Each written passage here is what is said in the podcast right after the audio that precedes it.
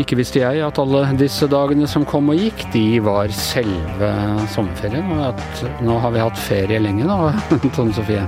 Det blir ikke noe ferie på oss i år. Det blir ikke noe ferie på oss. Vi bare sitter her i podkaststudio og podder.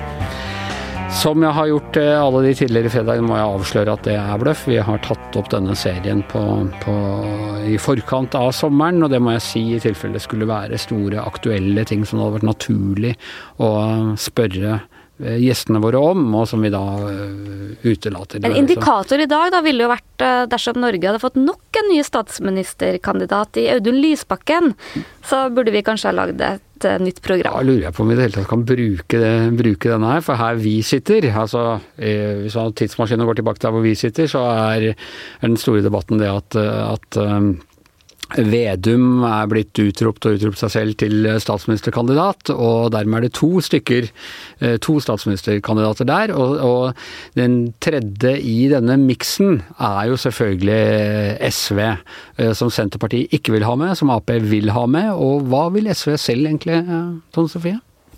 SV har tatt Arbeiderpartiets gamle slagord 'alle skal med', og er liksom den eh, mor godhjerta på venstresida som ikke har noen ting imot noen. Ja.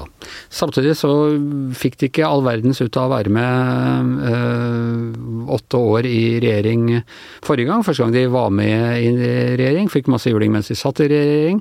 Og de var temmelig langt nede da det hele var over. Tror du de vil inn i regjering igjen, eller er det bedre for dem å holde Arbeiderpartiet i det venstre øret utenfra? Det er nok delte meninger om det, men um, jeg tror jo at um, et parti som um, regner seg som et maktparti, vil inn i regjering. For sjøl om man taper på meningsmålinger og alt det der, så er det jo der man virkelig får uh, utøvd politikk. Og sjøl om man veldig lett fokuserer på alt det SV mista etter de åtte årene, så skjedde det jo noe enormt med partiet, og ikke minst gjennomslag. Så det, jeg tror vel at de egentlig vil det. Og SV det er et av de partiene du har vært litt imponert over egentlig den siste tida?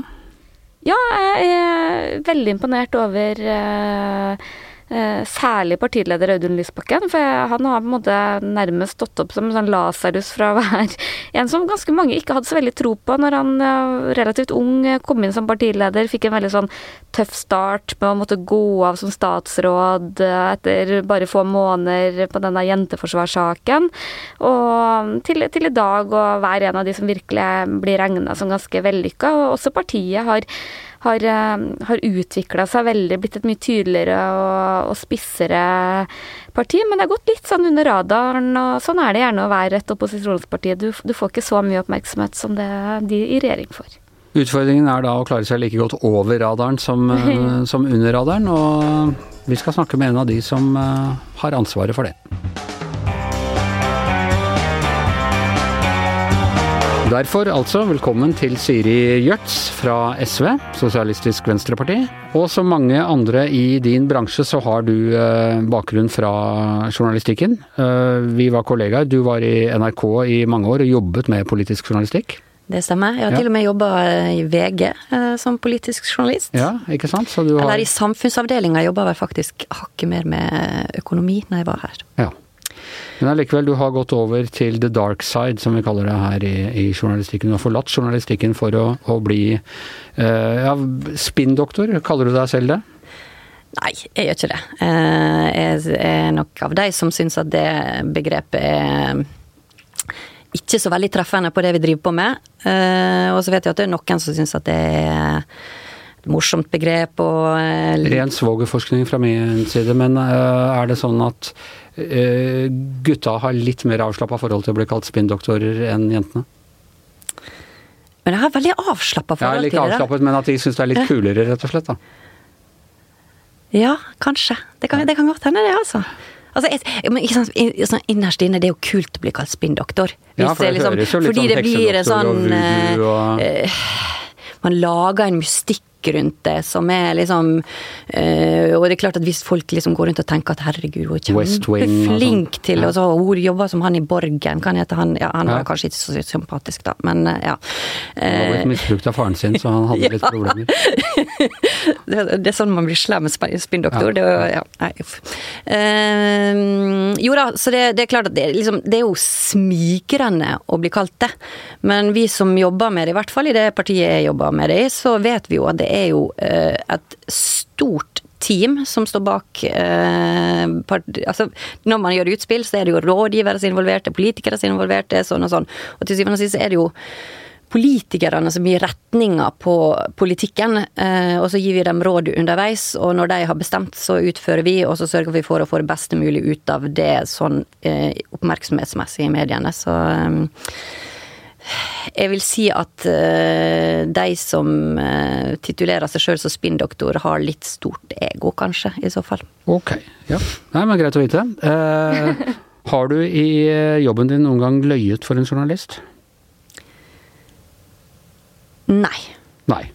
Men jeg har eh, unnlatt å opplyse om eh, det akkurat faktiske forhold. Har du eh, Altså, du hadde litt spesiell For du, var, du var ikke med i SV fra før, har ikke vært med i SV, var ikke med i SU?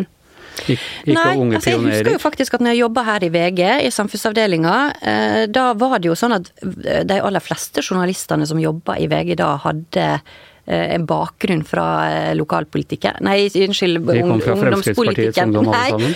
Nei, det var, det var, veldig bred spredning, rett og slett, eh, på det. Og da tok jeg liksom sånn status en gang, og da fant jeg ut at jeg var faktisk den eneste som da ikke hadde noe sånn partipolitisk bakgrunn. Men det var jo fordi at jeg ble fanga av journalistikken og NRK rett etter studiene. Eller nei, etter studiene. Det å i, i, løpet av studiene, så jeg har eh, som veldig mange andre journalister en ufullført hovedfagsoppgave liggende og slenge en plass. Um, så jeg hadde liksom ikke den Jeg hadde, ikke, jeg hadde litt sein politisk oppvåkning, rett og slett. Det skjedde først, først seinere.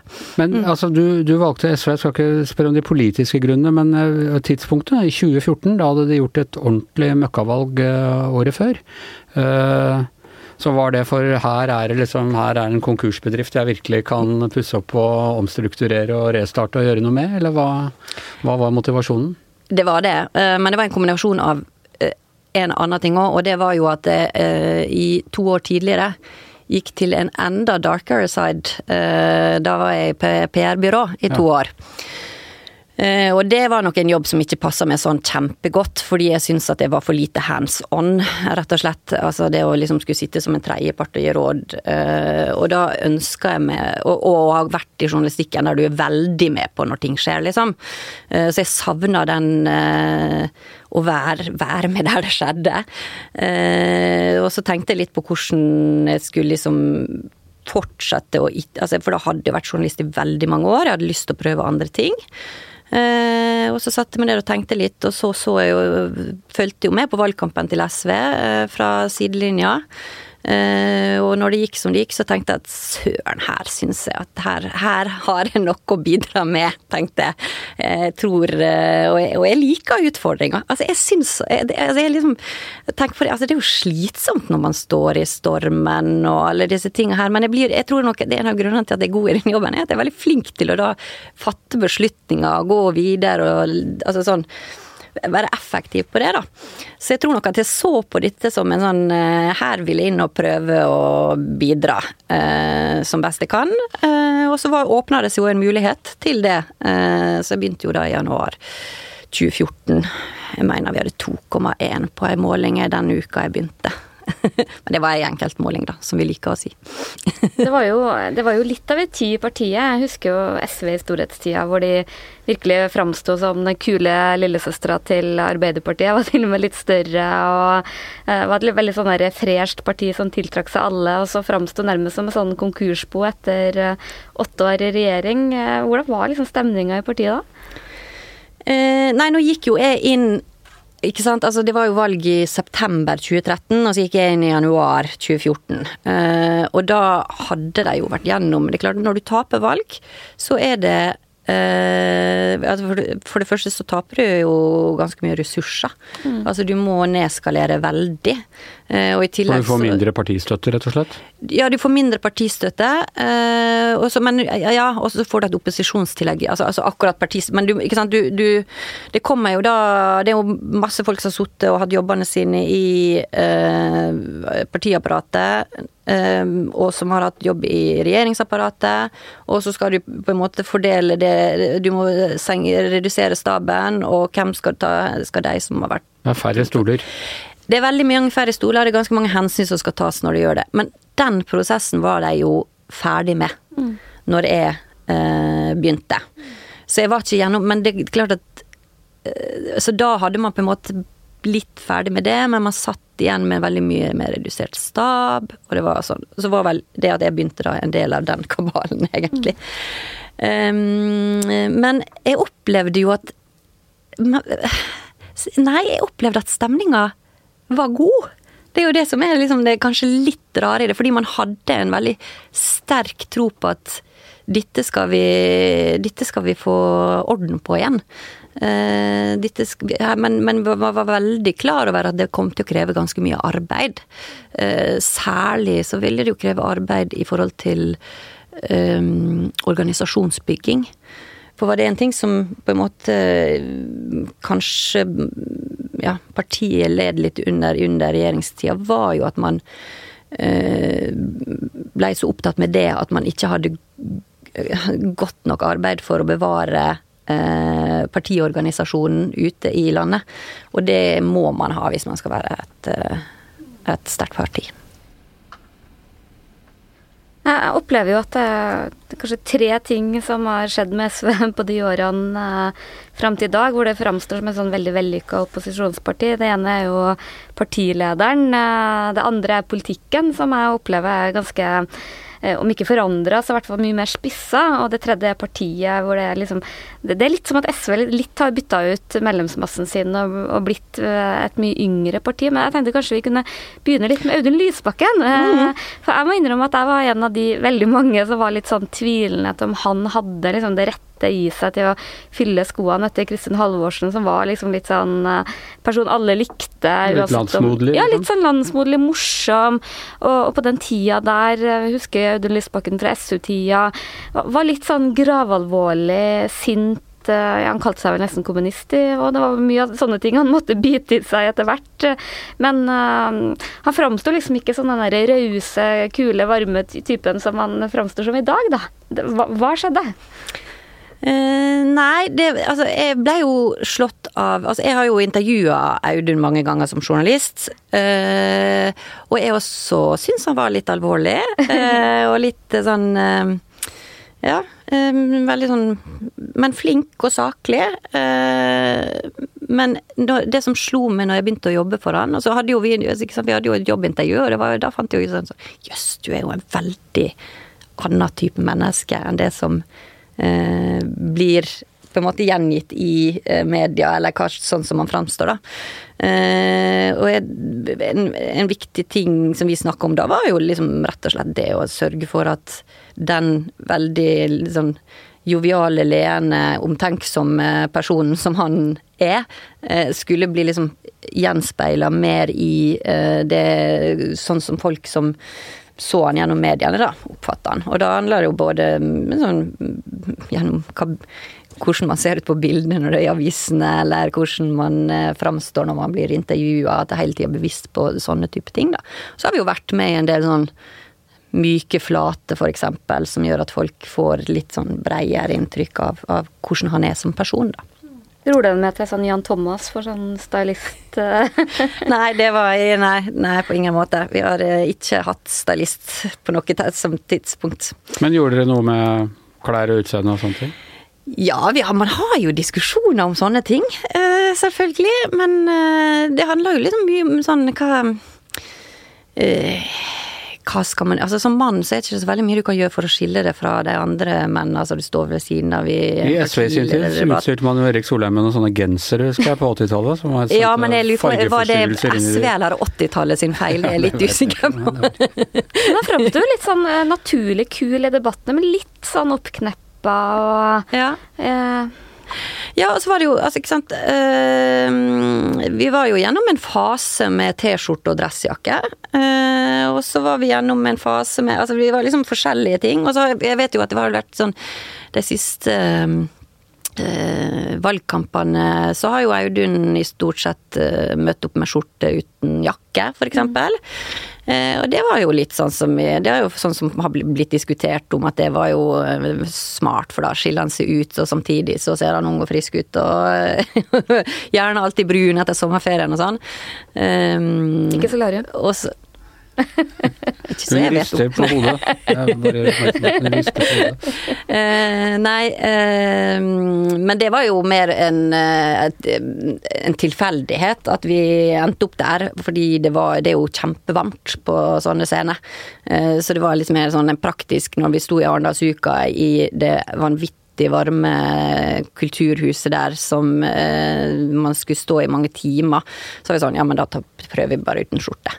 Og så sa vi ja, nei, men det funka, liksom. Så det, ja. så det er litt tilfeldigheter og litt tanke bak. Han er jo også veldig debatt, debattsterk. Jeg tror aldri jeg har hørt han eh, dårlig i en debatt de siste årene. Er det veldig mye prepping og sånn, eller er han et naturtalent? Nei, der har vi endra litt taktikk siden jeg begynte. Eh, fordi til å begynne med så var vi litt Eller, og det har også med at debattene har endra seg å gjøre. Fordi at når jeg begynte, så var det blant annet to programledere i partilederdebattene i valgkampen. Og når det er to programledere, så må du planlegge veldig mye mer enn eh, hvis du bare er én. For da kan du liksom bli sånn. Så det krevde egentlig at vi liksom eh, planla mye Altså det var sånn at vi fikk liksom spørsmål Ja, hvis jeg sier det til den, hva vil du respondere på det? Og så var det om å gjøre liksom komme på med et eller annet sånn fynd, altså noe fyndig som gjorde at man slapp til, da. Ikke sant? For det er jo alltid en kamp om å slippe til. Eh, så da har vi eh, da, da drev vi egentlig og liksom la planer for hva som skulle sies, og så hadde vi liksom sånn tre setninger som skulle plasseres inn sånn og slik, og sånn, men det ble jo aldri noe særlig naturlig. Så da var det på en, tror jeg var en debatt vi bare bestemte oss for at nå, eh, nå gjør ikke vi det. Nå bare, nå bare forbereder vi masse pakter fakta og ting og sånt, og så leser du gjennom det, og så eh, snakker vi litt sammen, og så finner vi ut hva som er lureste innganger. Og det gjorde jo at han da var veldig mye friere i å å være seg sjøl i debattene og, og ta ord For det er sånn hvis du står i en debatt og tenker for mye på hva du hvordan skal jeg få fletta inn akkurat det jeg har sagt jeg skal si inn sånn at det passer? Så bruker du for mye av tankevirksomheten din på det istedenfor å bare følge med på hva det alle de andre sier, og faktisk svare på det alle andre sier, da. Så det begynte vi vel med liksom i to, altså slutten av valgkampen i 2015, har jeg i grunnen bare lagt på det siden. Man kan jo tro noen ganger på sånne partilederdebatter at alle partilederne er sånn standup-artister, for det er jo mye one-linere og, og vitsing. Er det ferdigskrevet, eller er det noen som har noen spesielle talenter? Vi har vel av og til en sånn eh, Audun skal diskutere disse temaene. Er det noen i dine sånn ansatte tråd som vi har i WhatsApp, og sånn, er det noen av dere som eh, har noe dere tror kan slå an, og så får Audun den lista, og så velger han kan vi bruker bruke eller ikke. Ja, det er sånn du prepper Så har vi litt sånn, sist, eh, sist så hadde vi sånn plingfest på eh, om noen fikk inn noe Nei, det var Nytt på Nytt, faktisk, vi hadde plingfest til. Er det et øh, visuell kommunikasjonsmessig utfordring at han, øh, han og hans nærmeste konkurrent, øh, må vi si, Bjørnar Moxnes, ligner sånn på hverandre? Og det er sånn samme typen? Jeg syns det er samme typen. They could have fooled me. Eller altså sånn Audun er jo mye blidere. Ja, han er litt uh, mer alvorlig, men han skal jo omstyrte hele systemet, mens uh, Lysbakken skal bare reformere det. Men, men jeg tenker at de er temmelig like typer, de to der. Ja, nei. Eh, nei, det bruker ikke vi nok Nei. eh, energi på. Nei. Men jeg er litt enig i vurderinga di, for de er sånn utseendemessig, du kan De er nå kjekke menn i, I sin beste alder, og på den sida, og begge liksom retorisk gode og sånn, men jeg jeg opplever kanskje at uh, Audun var mer der Bjørnar Moxnes er i dag. Ja. Når jeg snakker om Han er deradikalisert. Ja, ja, og det, det snakka litt med Rødt-folk om det, fordi Hvem har du lyst til å drikke pils med? Det er spørsmålet. ja, for, for, de blir ofte litt sånn skuffa når vi kaster terninger. Så får uh, Eh, Audun Lysbakken gjør det generelt da i mediene veldig godt, mens eh, Bjørnar Moxnes gjør det generelt dårlig. Han er i lave sjikt alltid. Det handler selvfølgelig om et lite parti, og du, da skal du på en måte si det du skal si, uavhengig av, av hva som er tema. Det er jo en svakhet for de småpartiene, selvfølgelig.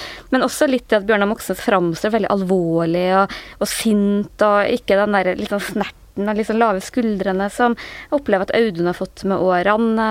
Så, så, det er en forskjell der, om det er bevisst at Bjørnar vil være sånn, eller om det er litt sånn eh, ikke så erfaren, da. Ja, men jeg tror det også handler bare om kanskje muligens hva personlighetstype du er.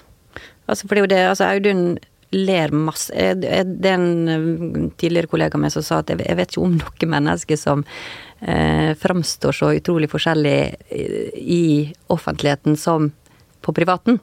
Og da, har, da er liksom eh, tanken at da bare er vi mer som på privaten i offentligheten, da. Men det, dette kan jo bli et, en enda større utfordring hvis nå Rødt, som det på noen eh, målinger før sommeren i hvert fall, eh, lå an til å få komme over sperregrensen og liksom rase inn med tosifra antall representanter. Det er så mange tall som flyr gjennom lufta. Eh, er det noe dere forbereder dere på? Å kunne skape en større distanse til dette partiet, som da tross alt har utgått av stalinismen? Vi bruker veldig lite tid på å bekymre oss for, eh, for hvordan de andre partiene Altså hvor de skal ende opp og sånn. Vi eh, konsentrerer oss om oss sjøl og hva som er den politikken vi ønsker å føre. Og så har jo vi sagt at vi eh, mener at det er lurt at alle partier på venstresida i norsk politikk snakker sammen etter valget, og man blir enige om retninga og vi inkluderer da Senterpartiet på venstresida? Ja ja, men vi, altså, vi, mener fortsatt det er lurt. Så det har vi tenkt å holde på. Men det er politikken som avgjør. Og da må man sørge for en sånn vi mener jo at hvis du skal få en kraftfull endring av politikken, så må man uh, sørge for at vi blir sterke, og ikke at det blir en Ap-Senterparti-regjering. Så da er du inne i den politiske greia. Og så har vi jo også inkludert at vi mener at uh, Men det kommer jo helt an på styrkeforholdet, at uh, vi må snakke med MDG og Rødt også. Um, ja. Hvordan føles det for SV-hjerter at Senterpartiet så til de grader tar avstand fra SV, som de har gjort uh, nå før sommeren. Det bruker vi også veldig lite energi på. Du tenker ikke på, på andre, bare sitter og er fornøyd med dere sjøl? Nei, men vi tenker, altså, det, det, handler om politikk, ikke sant. Men føles ikke og vi er, helt, jo, men vi er helt sikre på at når vi kommer til etter valget, så må man forholde seg til de realitetene som ligger der da. Eh, og da må vi eh, være åpne for å snakke med hverandre. Og Senterpartiet, eh, mest sannsynlig, vil være, eller Senterpartiet og Arbeiderpartiet da, vil være avhengig av et annet parti for å få flertall. Det vil si at da må de forholde seg til enten oss, eller så må de forholde seg til høyresida. Og hvis det er høyresida de vil uh, ha enighet med, så er det jo ikke noe særlig forandring. Derfor vi, uh, mener vi at du må ha et sterkt SV. Men tror dere at det er mye spill fra Senterpartiet sin side? Ja, de påstår jo at de ikke skal drive på med spill, men jeg syns jo at det er et stort sett spill det vi har sett i det siste, og lite snakk om politikk. fordi hvis du hadde vært mest bare opptatt av sakene, så ville man kunne Altså, denne, altså hele statsministerkandidatspørsmålet kunne jo vært eh, parkert for lenge siden, hvis de hadde ønska det. Så det, det å liksom holde det i live så lenge som man gjorde, det tenker jeg er litt spill. Vi skal høre et klipp fra, fra nå under øh, siste halvåret, hvor, hvor, Audun Lysbakken gikk ganske hardt ut mot, øh, mot regjeringens koronahåndtering. Norge var ikke forberedt på pandemi, og det er et soleklart politisk ansvar. De hadde ikke øvd, de hadde ingen plan, hyllene var tomme. Og det er selvfølgelig en kritikk som rammer Erna Solberg veldig hardt, fordi bedre beredskap var hennes fanesak når hun ble valgt til statsminister i 2013. Eh, hvor gjennomdiskutert var det, og hvor mye avvek han fra manus? Han Vi har jo ikke manus som sådan, da. Hvis Men dere er enige om hvor langt man skal gå når man kritiserer regjeringen? Vi er enige. Eh, og der, altså der, var, der hadde jo den eh, rapporten til koronakommisjonen kommet. Det hadde jo vært litt nyheter om det i forkant, så vi visste jo sånn cirka hvor de ville, ville legge seg i forhold til kritikken. Eh, men det er klart at vi, vi Altså, så kommer det jo en svær rapport, jeg husker ikke hvor lang hva er 400 sider, eller ja, Nei, det skal jeg ikke si. Den var i hvert fall stor. Så det er klart at eh, vi rekker jo ikke å lese alt, men innen ganske kort tid så må man jo da gjøre seg opp en mening om hva det er vi tenker om det, liksom mer alvorlig eller mindre alvorlig enn det som var det bildet som var tegna i forkant. Um, så uh, så diskuterer vi jo hvor vi legger oss, og så uh, er Ja, det, akkurat dette kuttet der, så lå han vel omtrent akkurat der vi tenkte at han skulle ligge. Ja, så dere tenkte etterpå at det var bra, Audun? Her, Ja, det- Terningkast seks. Ja, han, det, jeg syns det var eh, ok, eh, og det var en eh, eh, kritikk i tråd med det som eh, var kritikken fra koronakommisjonen, som handla om at de var for dårlig forberedt i forhold til å håndtere en eh, pandemi, selv om det hadde vært eh, advart om. Og så fikk han vel i tillegg Vi Fikk sagt litt om det som har vært eh, en av våre eh, våre ønsker, eller hva er ønsker Vi har eh, meint at vi må endre smittevernloven, og den smittevernloven slik den er i dag, ikke eh, er tilpassa en langvarig pandemi. Fordi vi mener at regjeringa burde i større grad enn den er i dag, bli pålagt å eh, konsultere eller altså snakke med Stortinget om håndteringa av de liksom overordna linjene for, eh, for håndteringa. Og det fikk man vel også fletta inn, så da fikk vi de to budskapene inn. Det var jo godt for dem. Opplever jo at eh, Audun ofte er ganske forutsigbar. F.eks. For når det legges fram et statsbudsjett, så tror ikke dere har lest så veldig mange sider av det, i hvert fall før dere kan si at dette er et dårlig budsjett for eh, de fattige i Norge. Forskjellene øker. eh, Det går eh, feil vei med klima. Er det liksom sånn dere skriver på autopilot, eller? eh? Nei, det er faktisk ikke det. Jeg men husk at vi eh, får budsjettet litt før dere andre. Og så eh, har vi ganske mange veldig flinke politiske rådgivere på hvert sitt felt som går gjennom budsjettet på eh, hver sine områder. For å finne ut liksom altså, Og det man ofte vet i forkant når eh, budsjettet kommer, er jo lekkasjene. Da har jo regjeringa i flere uker, egentlig, eh, skrytt av hva de er fornøyd med. Så det viktigste vi må finne når vi får et budsjett, eh, er jo liksom Men hvordan finansierer de de sakene som de har vært veldig fornøyd med å lekke ut? Eh, og da pleier vi jo eh, i løpet av relativt kort tid å finne noe som eh, Det er jo vel nesten hvert budsjett så lenge jeg har vært, har vært et eller annet sånn usosialt kutt, som vi eh, har endt opp med å kalle det. Altså det var eh, kutt i barnetillegget for uføre, kutt i brillestøtte til barn, alle disse Altså at det er liksom Man så, så vi sørger jo for å finne den type ting, da. Eh, og så er det jo ikke så overraskende at vi ikke nødvendigvis er så veldig fornøyd med den eh, retninga disse budsjettene tar, for vi er eh, fullstendig uenig i den veien eh, de tallene. Eh, så akkurat at vi er, så, at vi er kritisk, det tenker jeg at det, det er relativt opplagt. Ja da, det er opposisjonens oppgave. Men det som jeg egentlig ville fram til, er at eh, jeg opplever SV i dag eh, som et mye mer spissa parti. For hvis du skrur klokka 15 år tilbake i tid, så var det skolemat, og det var laks og kylling, og det var mm, sånn distriktspolitikk, og det var veldig et sånt parti som var eh, litt til alt. Mens i dag så opplever jeg at um, dere er veldig spissa på ulikhet, sosiale forskjeller og klima.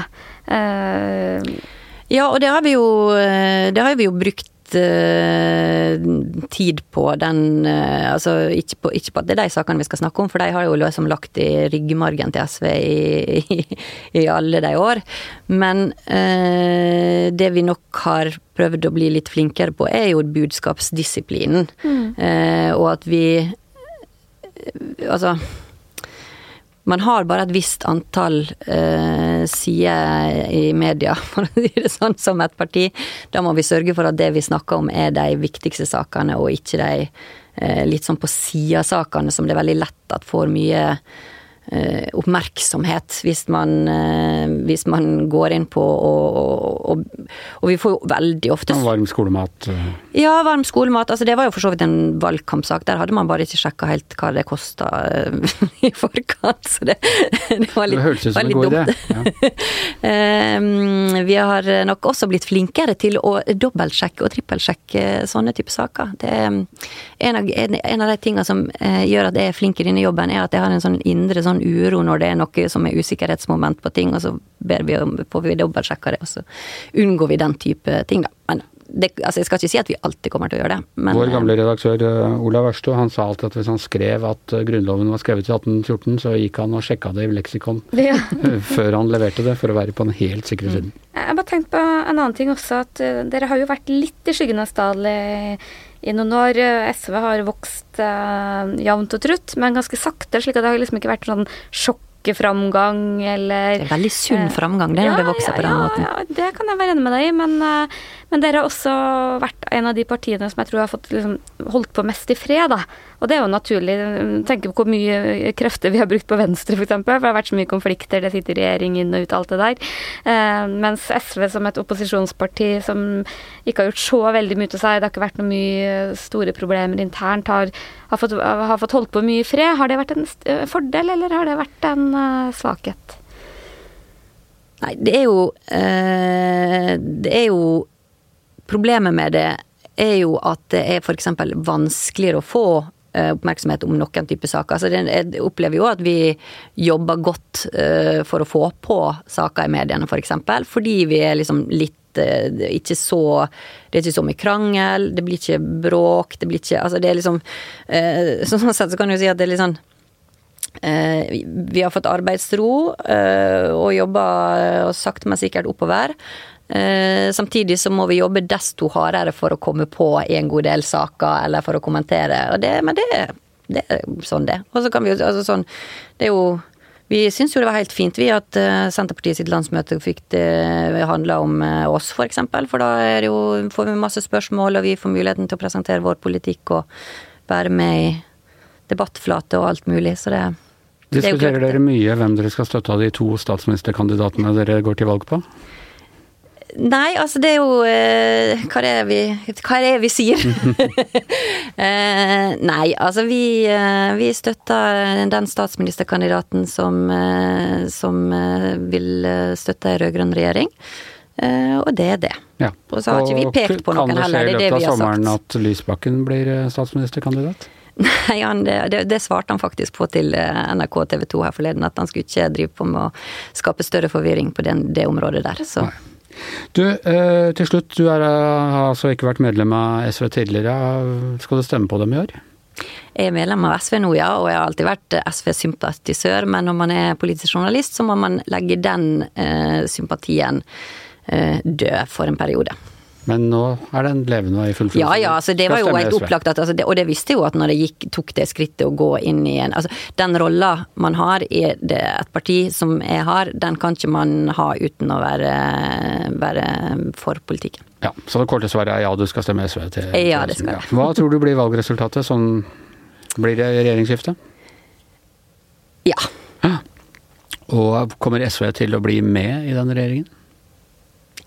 Vi skal i hvert fall forhandle om å være med i den regjeringa, hvis det er slik at uh, flertallet er avhengig av oss. Det virker sånn som Jan Bøhler heller bare blir sånn ombud. Nei. Og nå helt til slutt, har du fortsatt ikke løyet for noen journalist? Blir det ja eller nei så blir det riktig å si det? Nei, jeg har fortsatt, fortsatt ikke løyet for en journalist. Det er veldig betryggende å høre. uh, greit. Eh, med det så tror jeg at vi, vi uh, må avslutte her. Uh, tusen takk til Siri Gjørt. Eh, tusen takk til Tone Sofie Aglen. Jeg heter Anders Giæver. Vår vaktsjef heter Kristina Kinne. Og mannen som sørger for at vår kommunikasjonsstrategi blir til lydbølger som kan strømmes på nettet, er som vanlig produsent Magne Antonsen.